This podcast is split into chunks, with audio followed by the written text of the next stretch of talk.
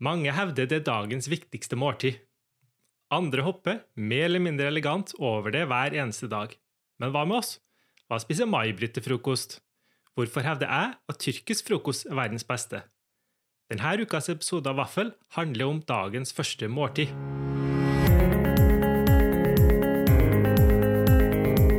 Hei, jeg heter May-Britt, og jeg sitter her på kjøkkenet mitt i Oslo. Og jeg heter Vidar. Jeg sitter på mitt kjøkken i Istanbul. Velkommen til Vaffel, en podkast om mat.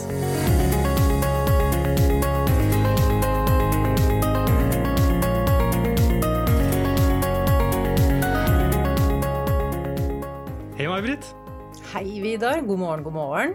God morgen, god morgen. Du, nå har jeg sittet her og bladd litt i kosekokeboka di. Fordi der var det utrolig mye spennende, god eh, frokost å velge mellom. Ja, det er et ganske rikholdig kapittel, husker jeg. Ja, jeg tenker du, du har ganske overdådige frokoster hjemme hos deg. Er det sånn hver dag, eller er det forskjell på hverdag og, og helg?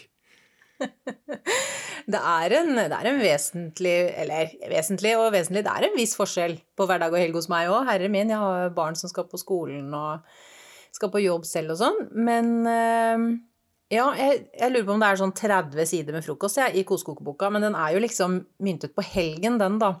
Men her hjemme til, til hverdag så spiser jeg også ganske god frokost, og det er veldig viktig for meg å få i meg frokost. Det er, eh, der er jeg en Ole Brumm, kan du si. Jeg våkner om eh, morgenen, og det første jeg tenker er hva er det til frokost? Han har hatt denne samtalen med Nasse Nøff, skjønner du. Ja. Mens Nasse Nøff, Nasse Nøff våkner og tenker først å, jeg lurer på om det skal skje noe spennende i dag. Så der er det kanskje to typer folk, da. At du er enten en brum eller en nøff. Og jeg er altså en brum. Men det er jo egg, selvfølgelig, er eh, like vesentlig på hverdager som eh, i helgene. Og havregrøt.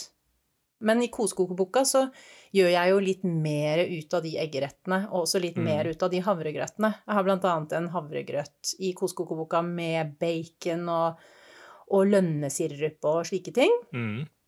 Eh, Så da lager jeg liksom litt mer spennende toppinger. Men havregrøten min til hverdags, den eh, koker jeg både med melk og vann, 50-50. Jeg må ha melk i den, da syns jeg den blir best. Da blir den kremet. Og så bruker jeg lettkokte havregryn, for jeg liker det at den blir litt sånn glatt. Og så har jeg gjerne kokt opp frosne bær på vinteren. Mm. Som jeg bare gir i raskt oppkok, kanskje med en kanelstang oppi, og litt honning også. Og så har jeg det oppå grøten. Og valnøtter. Det er liksom favoritten, da. Ja, valnøtter er jeg jo glad i på havregrøt. Det er faktisk eh, en, eh, jeg er jo veldig glad i havregrøt, jeg òg. Og eh, lager den, som du sier, også med litt melk, som regel, i, i grøten. Og alltid med lettkokte havregryn. Jeg syns ikke det blir det samme. Den skal være fløyelsmyk. Det er noe med den Ja. følelsen. Men de siste åra har jeg begynt å eksperimentere litt da, med den toppingen som jeg alltid lager det samme, ikke sant? med smør og kanel og sukker. Nå har jeg i stedet tahini, valnøtter og honning. Oh. Kjempegodt. Å, det hørtes godt ut. Men da trenger du faktisk ikke melk, da, egentlig. Å nei, hvorfor, nei, hvorfor det? Eh, jo, fordi eh, tahini er ganske fyldig. Så den, eh, det, blir veldig veldig kremete fyldig da, hvis du har eh, både melk og tahini. Å ja, for du koker grøten med tahini-pasten? nei, jeg gjør ikke det heller. Jeg har den på toppen, men den er likevel ganske mektig, for tahini er jo ganske, mm, ganske fett. Så, eh, og, og rikholdig på smak. da. Ja. Så eh, jeg tenker det at den, eh, Og så har du valnøttene i tillegg, som jo òg er en del fett i. Så da er det godt å ha den litt mer lette basen, da, kan du si. Ja. Det minner litt om Vi har jo vært inne på før at tahini-paste og peanøttsmør er litt sånn fjerne tremenninger i smak. Mhm. Og jeg også har kokt havregrøten min med mykt peanøttsmør noen ganger, og det er kjempegodt. Og Olivia, datteren min, hun eh, er veldig glad i peanøttsmør oppå grøten. Mm. Så jeg kan godt forestille meg at tahini-paste hører hjemme i en havregrøt. Men eh, hva med egg? Hvordan har du det der, eh, Vidar? Lager du deg egg på en, til en hverdagsfrokost, eller er det forbeholdt helgen? Hver dag. Så jeg er jo et vanedyr når det kommer til eh, frokost. Ja, det er interessant. Ja, for jeg er litt um, jeg, Når du snakker om Ole Brumm og Nasse Nøff, jeg tenker jeg, jeg er nok litt i Ole Brumm-campen, bare at jeg har ikke det spørsmålet. da. Det første jeg tenker på, er frokost. Men uh, det er sjelden jeg lurer på hva jeg skal lage, fordi det er det samme hver dag. Og det er i alle fall på hverdagene. da. Ja. Så det er kok kokt egg. Hvordan koker du det? Uh, sju minutter. Mm, det gjør jeg jo. Så har de i nesten kokende vann, og så sju minutter ganske nøyaktig. Så da er det litt rennende i midten, sånn som det skal være, syns jeg. det. Og eh, så ost til, brød, smør og så noe søtt. Enten syltetøy eller hasselnøttpålegg eller sjokoladepålegg, hvis man føler for å være litt eh, skli ut litt en dag. Mm. Og så på sommeren da, så har vi også litt eh, tomat og agurk ved siden av. Ja, Og vinteren blir det ikke så mye frist og grønt, da. ja. Er dette typisk tyrkisk frokost, eller føler du at dette er noen norske greier? Det er ganske typisk eh, tyrkisk, vil jeg si. Her spiser jo folk egentlig ganske enkel og lett frokost. De spiser brød, det enkle brødet som vi snakka om sist, eh, som regel det hvite brødet, ikke sant? Men aldri brødskive med pålegg. Det tror jeg ikke jeg har eh, sett i det hele tatt i Tyrkia. Så brødet er tilbehør på samme måte som det er tilbehør til middagen. Og så spiser de ost, oliven selvfølgelig. Eh, honning er også veldig populært. Men jeg tror på hverdager da, så er det ganske enkelt. Og så gjør de det mye mer overdådig i helgen eller hvis de har besøk. Og, og her har det jo òg blitt sånn som det har vært eh, i London og sikkert Oslo og andre storbyer òg ganske lenge. At det har blitt populært å gå ut for en sånn helgebrunsj. Ja, den derre varme. Ikke sant? Og her er det ikke Ja, det er jo litt varmt òg, da, men her er det den jeg på å si, utvida versjon av tyrkisk frokost som står på menyen når folk skal ut på sånt. Litt sånn som med seg egentlig masse små skåler med forskjellige ting. Selvfølgelig det jeg snakka om tidligere, med tomat, agurk, ost, honning, oliven osv. Men da er det en mer rikholdig eh, variasjon av forskjellige oster fra forskjellige deler av Tyrkia. Og så er det noe varmretter i tillegg, da. Ja, hva da, for eksempel? Eh, Det er jo forskjellige eggeretter som regel, da. Menemen er jo den store, kjente eggeretten her, da. Den kjenner du kanskje til? Ah, den har jeg spist. Ja. Ja, den har jeg faktisk på bloggen min. Jeg har jo ikke så mye tyrkisk mat på bloggen min som deg, men akkurat menemen, den har jeg fått servert en gang av en skikkelig mann Og mann. Og så ender den historien der, og så kan du ta stafettpinnen videre. Men, men jeg må jo få si det at det, det, du er nok ikke den eneste som har hatt et sånt forhold til Tyrkia, og så er det menemen som har levd videre. Eh, kanskje ikke så mye av det andre. For, for altså, Menemen er jo eh, kanskje noe av det beste med det tyrkiske kjøkken. Det er jo en skikkelig luksus og frisk eh, slags eggerøre. Jeg er litt, jeg er litt var for å kalle det eggerøre, jeg har ikke noe bedre ord for det. For eh, det er ikke eggerøre sånn som vi tenker på det, der du må tenke veldig på å få rett konsistens og sånne ting. Det du rett og slett gjør, er at du lager en slags tomatsaus med paprika. Og her er tyrkerne delt ganske nøyaktig på midten, om det skal være løk i den eller ikke. Oh, ja. Akkurat. Jeg lurer på hva Brum og Nasse ville ha Hvordan de ville ha stilt seg der. De ville i alle fall ha vært uenig, det er jeg sikker på. Mm. Altså, det var en av Tyrkias store matskribenter. eh, Han skriver best om restaurantmat, da, men reiser rundt og, og skriver og lager TV-program om tyrkisk mat her. Han har jo mange hundre tusen følgere på Twitter og la ut et spørsmål. Menemen, skal det være med eller uten løk? Ja. Og det ble jo som en sånn, eh, et lite valg, ikke sant? Jeg tror det var over en halv million som avga stemme. Og det var ganske nøyaktig 50-50. Oi. Ja. Hvordan lager du den? Jeg lager den med. Kan ikke du beskrive hvordan du lager den med NMN, Vidar? Ja, så jeg begynner da med å surre løken i eh, olivenolje. Den eh, kontroversielle løken, årsaken til at jeg liker å ha den med, er at eh, den gir en liten sånn fin sødme som jeg syns eh, står seg godt til resten av retten. Um, så du surrer løken sammen og da med litt eh, paprika, grønn paprika. Tyrkerne har jo noen sånne litt spesielle varianter av grønn paprika som ikke er så lett å få tak i Norge. De er sånn lang og tynn og ja, litt tynnere vegger. da, Kanskje ikke fullt så bitter synes jeg, som den grønne paprikaen du får i Norge, men det går helt fint å bruke vanlig grønn paprika. Jeg har brukt det når jeg har laga bennemen i Norge. Eh, Så du har i det også, og du surrer alt det mjukt, og så skal du gi med litt tomat. Og surre det da til det er blitt en saus, før du eh, knekker i eggene. Mm. Og så er det jo bare å surre det videre igjen da, til det er fått passe konsistens. Jeg syns en menemen skal helst være litt rennende. Ja. Men eh, her er det jo like mange meninger og versjoner som det er husstander i Tyrkia, ikke sant? Med, både når det kommer til forholdstall mellom saus og egg, hvor mange egg det skal være, hvor rennende eller hvor fast den skal være. Um, og så har jeg et lite dryss med frisk bladpersille på slutten. av da. Det, det, er litt valgfritt, kan du si, da, men jeg syns det gir en sånn fin friskhet på det. Yeah. Det, det, det, blir jo nesten som et slags sånn uh, måltid i seg sjøl, fordi du får mer enn bare egget inn i det. Yeah. Jeg syns det er kjempegodt, i alle fall.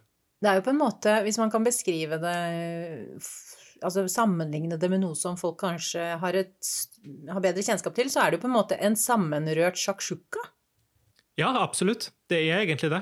Det er ikke så mye forskjell. Det er en tradisjonell shakshuka har vel eh, ganske mye mer paprika. da. Den her er mer eh, tomatbasert. Ja.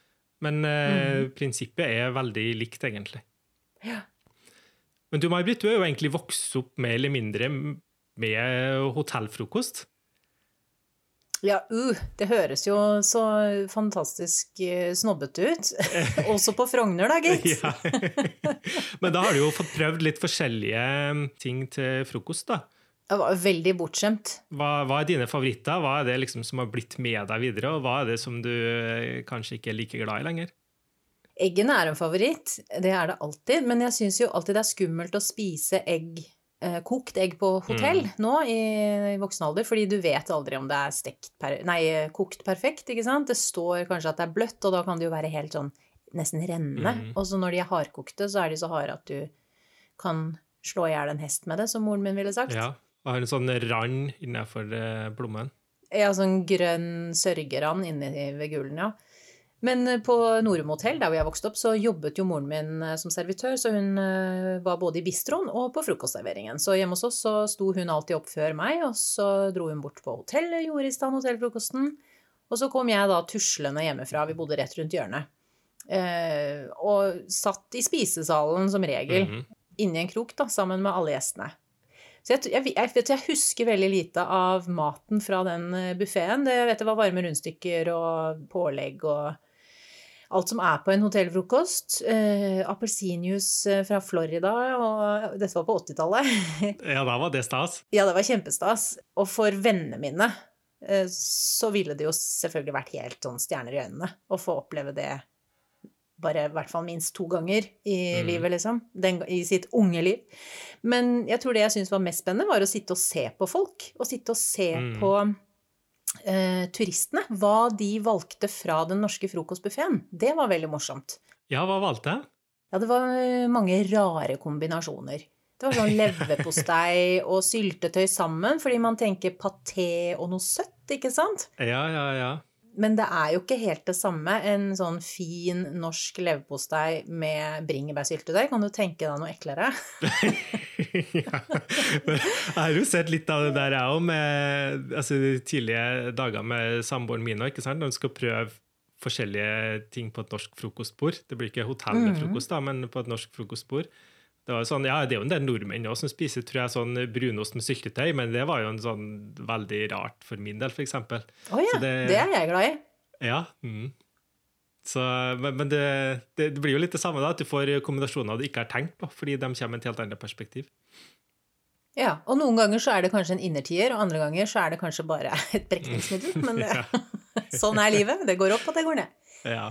Men jeg tror de fineste frokostene i barndommen min, og, og, som jeg elsket, var helgefrokosten. Så, for da jobbet ikke moren min eh, på frokost, ikke sant. Da ville hun være mm. hjemme med meg, så da lagde hun frokost, og da var det enten stekt, egg, eh, stekt bacon og egg, eller stekt skinke, eller stekt vossakår. Det var alltid et eller annet sånn stekt kjøttelement. Mm. Og så egg, da. Speilegg. Så pyntet hun alltid tallerkenen veldig pent med tomat og et salatblad av agurk, som jeg overhodet mm. ikke rørte. Og så, sånne danske frørundstykker. Så ja. det, er, det, er, jo liksom helgefrokosten. Så du er mer på den eh, engelske sida av frokost? At det skal være litt sånn heftig og heavy? I helgene så syns jeg det er deilig. Men ikke til hverdags. Men i helgen så blir det ofte to runder med frokost her hjemme, fordi jeg liker å starte i senga med en kopp kaffe og kanskje bare et knekkebrød da, med, med noe ost på. Mm. Sitter lenge med det og bare lar tankene fly. Og så eh, står jeg opp og lager den der ordentlige frokosten. Så da blir det på en måte en slags brunsj. Der du, eh, da skjønner jeg at du trenger litt mer påfyll òg. Når det har gått litt ja. tid, så blir det jo mye mer sulten, og du trenger noe som er litt heftigere. Ja. Men hva med dine helgefrokoster? Skiller de seg vesentlig fra, fra hverdagene? Eh, de kan skille seg litt fra hverdagene. Altså, jeg prøver å ikke lage alltid kokt egg. Da. Det er jo en Ja. del av det samme med, det slår deg løs. Ja, ikke sant? Så da kan jo være menemenn, f.eks. Eh, jeg er veldig glad i forskjellige eggretter, så jeg har prøvd en del forskjellige. Jeg har jo med en del av dem i den siste boka mi òg. Tyrkiske egg, hva er det for noe?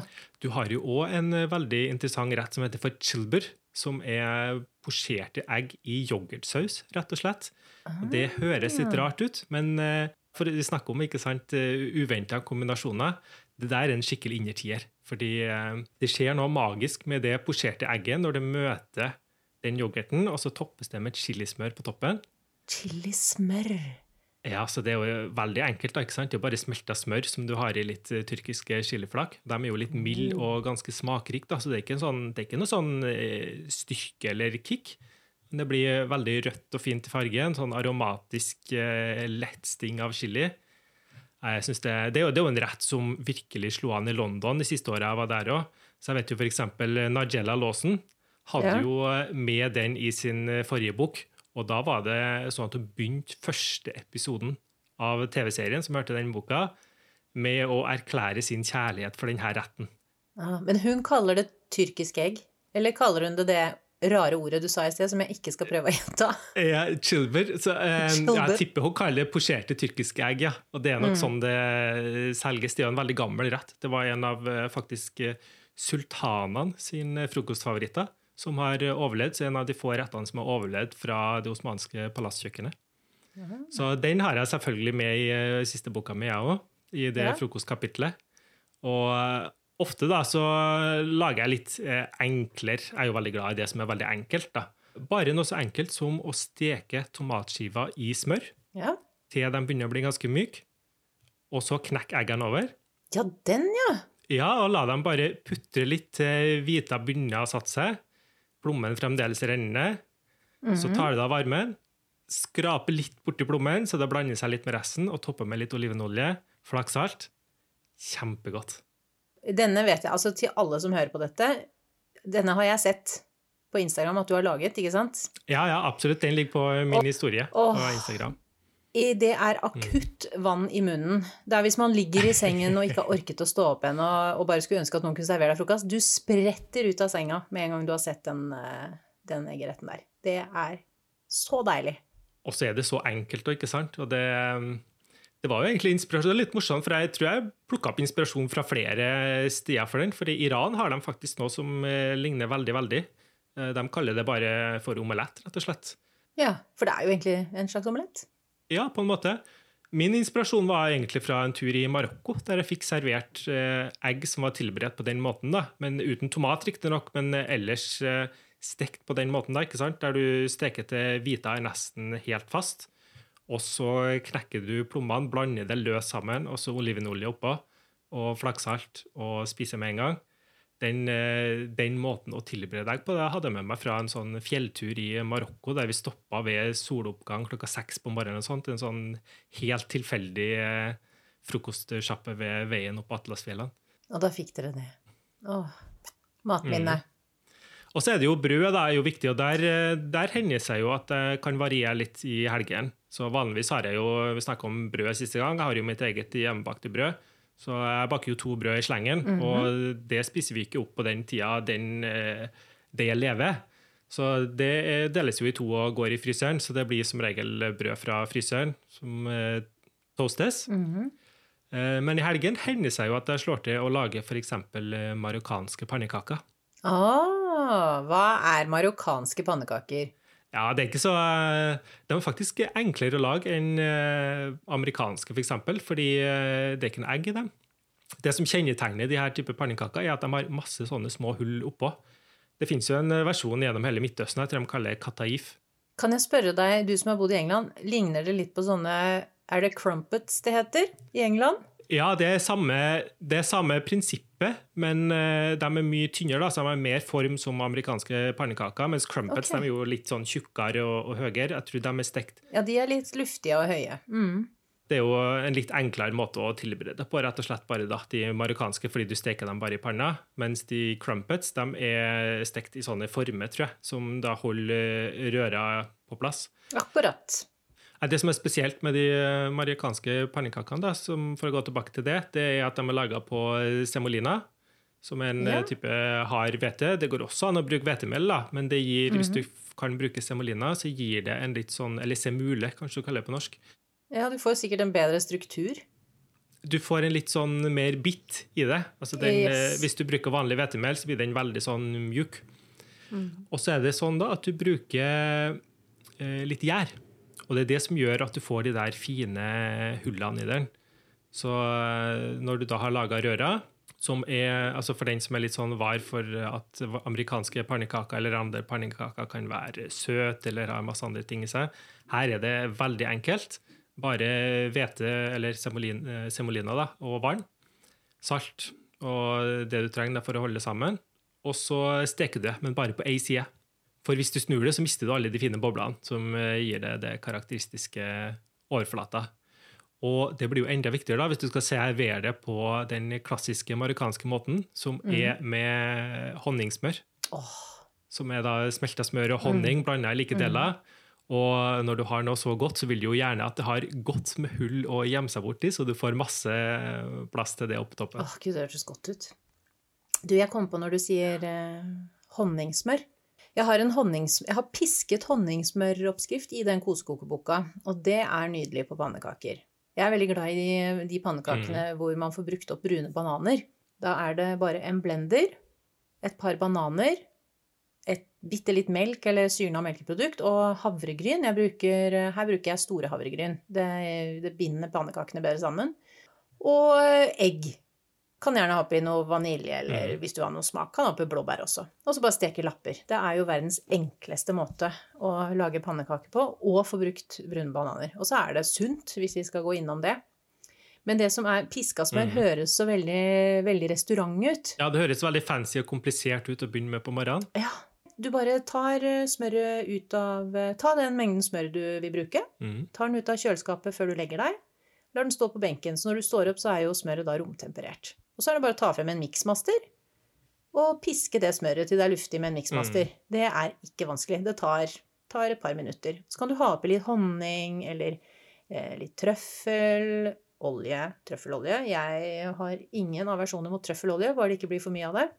Eh, Du kan jo smaksette det smøret med alt mulig, men det er altså så godt. Litt eh, honning og kanel, og så lar jeg sånn piska smør da få smelte over varme pannekaker. I stabel. Hei, hei, hei. Skyndte seg, ta bilde, legge ut nå. jeg tror det er det bildet som har irritert meg mest på Instagram. Det er sånne stabler med smelta Stabler med pannekaker og smelta smør. Ja, for nå har du mista øyeblikket der det faktisk smaker godt, når du har tatt det bildet. Ja.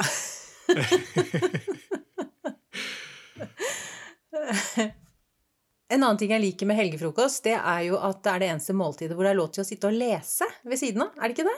Ja, det det. det er sånn var, husker jeg da jeg vokste opp. Og det var jo det var egentlig hele uka til oss. da. Frokost var det måltidet. Der var det lov å sitte og lese.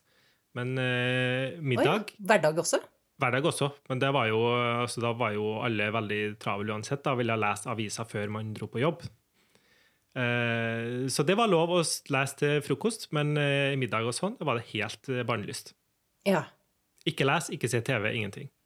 Nei, tenk deg det. Sitte, nå, nå er det jo mobilene, selvfølgelig, som mange syns er et problem. Da, at ikke folk kan legge fra seg mobilene. Men, eh, Mm. men eh, og, og så blir det Jeg må jo si, jeg abonnerer ikke på noen papiraviser eller noen papirtidsskrifter, men det blir ikke helt det samme å sitte med en Mac og lese og spise helgefrokost som det var den gang man satt med, med, med papiravis. Nei, det gjør ikke det. Men hva tenker du om granola? Du, jeg så det i Kosekokoboka kosekokeboka at du begynner med granola. Er du en sånn yoghurt- og eh, granolaperson, eller? Jeg er blitt det. Jeg var ikke det da jeg var yngre. Og da jeg var barn, så kunne jeg spise lasagne til frokost. Da var jeg helt Jeg ville bare ha, ville bare ha mye, mye salt mat til frokost, rett og slett. Mm. Eh, Men i voksen alder så har jeg blitt mer og mer glad i eh, ja, yoghurt og Biola og kefir da, med granola. Eller en god musli. Mm. Og frukt. Mm. Jeg syns det er godt. Og så har jeg holdt meg lenge unna sånne mm, smoothie bowls, fordi jeg, blir, jeg får liksom fnatt av alt som går viralt på Instagram og i sosiale medier. Da, da blir jeg vel sånn Det skal jeg i hvert fall ikke gjøre. Jeg blir så lei. Mm. Jeg blir fort lei. Jeg har ganske dårlig tålmodighet. Jeg har litt den samme innstillinga der òg. Jeg tror det har litt med å gjøre at det ofte er dem som kanskje ikke er så opptatt av maten, som gjør det at det går eh, viralt. da. Så jeg blir litt sånn skeptisk til om det faktisk smaker godt, eller om Ja. det er bare fordi det ser så flott ut. Det blir kanskje noe annet hvis eh, trenden hadde starta hos eh, Nigella eller eh, noen andre matfolk, og ikke Ja. hos Instagram-influensere. Ja, for du kan si mye om Nigella, men en røver på å ta egne matbilder, det er hun kanskje ikke. Det er ikke hennes styrke. Så, men eh, vi vet jo at eh, oppskriftene hennes er gode, og vi elsker henne likevel. Mm. Selv om Mm. matbildene ikke alltid er helt sånn porno. Men eh, ja, nei, sånne smoothie bowls og disse pannekakestablene Det blir litt sånn en veldig uh, pen og glatt fyr med bleika tenner som prøver å sjekke deg opp på bar. du blir litt skeptisk. Men han kan jo være et fint menneske, det vet vi jo ikke. Vi er ikke blitt kjent med han. Så jeg har faktisk eh, et, i hvert fall én smoothie bowl på bloggen som jeg er kjempeglad i, og som Mm. eh, Det høres ikke ut som meg, men det er altså et syrna melkeprodukt. Det er spinat, hold deg fast, og ingefær og eh, banan og masse godt. Ja, her kommer spinaten igjen, ja. Ja, og honning. Den er kjempegod. Den er faktisk veldig, veldig god, men det tror jeg også er fordi det er en god del ingefær i den, og det er jeg så glad i. Så jeg har lært meg å like pen mat. Litt av årsaken til at jeg spør, at jeg faktisk eh, egentlig ikke prøvd meg noe særlig på sånn granola ennå. Jeg er ikke noe sånn superfan av eh, sånn veldig søte ting til frokost. Så, men, det, men det finnes jo forskjellige varianter av det, og jeg har faktisk eh, sett meg ut en eh, variant som jeg har lyst til å prøve nå. Ei bok som jeg kjøpte for noen måneder siden. Som eh, er av en jødisk dame som er gift, amerikansk, da, men gift med en israeler og flytta til Tel Aviv.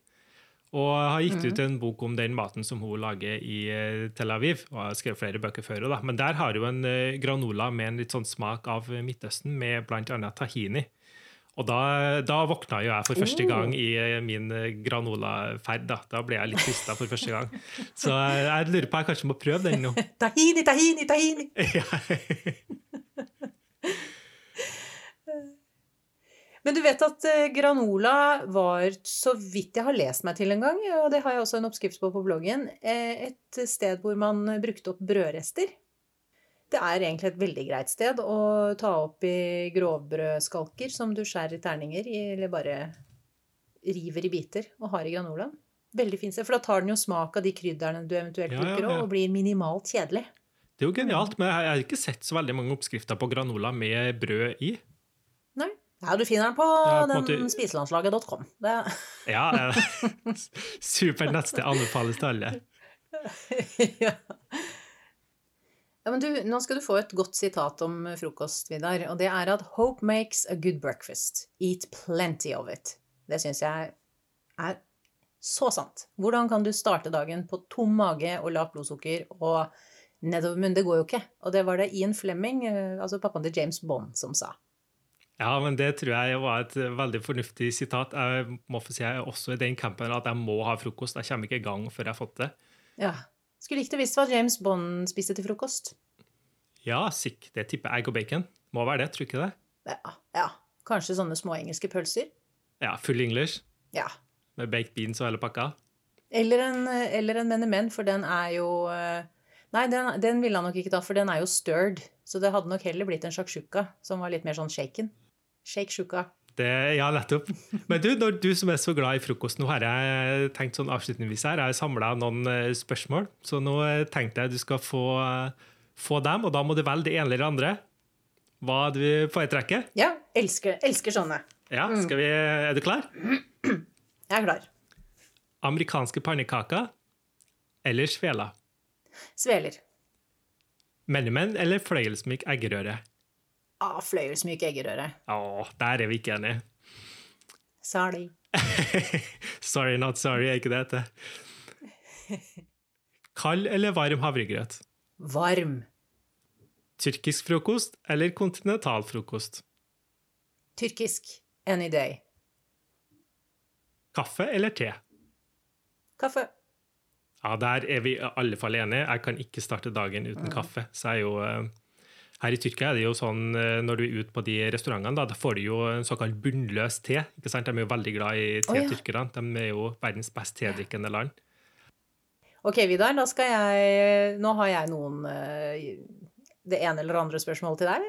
Jaha, du har det droa, ja? Om frokostpreferanser. Ja. Eh, er du klar? Eh, ja, så klart jeg kan bli. Mm. Frokost på sengen eller frokost ved bordet? Ved bordet. Kokt egg eller stekt egg? Kokt egg til frokost, i alle fall. Juice eller melk? Juice. Søtt eller salt? Salt. Alltid. Croissant og syltetøy eller tomatbønner og stekte pølser? Croissant. Jeg, jeg, er ikke, jeg er ikke på ditt uh, nivå med stekt kjøtt til frokost. Ok. Blod, blodpuddingen, eh, eller blodpølsa, når den kommer på den engelske, den uh, takker jeg nei til. Men resten, kom med det. Ja. Nei, jeg, jeg har, jeg har et minne som virkelig har brent seg fast fra en sånn engelsk BNB. B&B. Da fikk vi en skikkelig heftig frokost. Og jeg husker at jeg hadde bedt om å ikke få eh, bønner, for jeg er ikke så glad i de eh, baked beans. Syns de er veldig søte og ja, ikke helt for meg, da. Og da fikk jeg jo i stedet ekstra med egg, ekstra med bacon, ekstra pølse, ekstra alt. Så eh, vi spiste frokost i nitida på morgenen. Jeg tror ingen av oss var sulten før eh, til middag klokka sju på kvelden. Nei. Vidar, jeg har til nå bare spist min første runde med frokost denne søndagen. Jeg har eh, hatt et, et rugsprø med en god fransk ost og litt solbærsyltetøy på og en kopp kaffe i senga. Men jeg har også bakt et eldrefritt eltefritt brød som står og venter på meg, og jeg kjenner at jeg skal gå over på runde to. Så jeg må avrunde, jeg nå. Ja, du får gjøre det, og kos deg godt med ferskt brød og masse godt til. Kanskje stekt kjøtt òg. Jeg vet ikke hva du har på programmet i dag, men eh, spis godt. Du også, Vidar. Ha god frokost, da. Eller brunsj, kanskje. Jo, i like måte. Ha det godt. Ha det.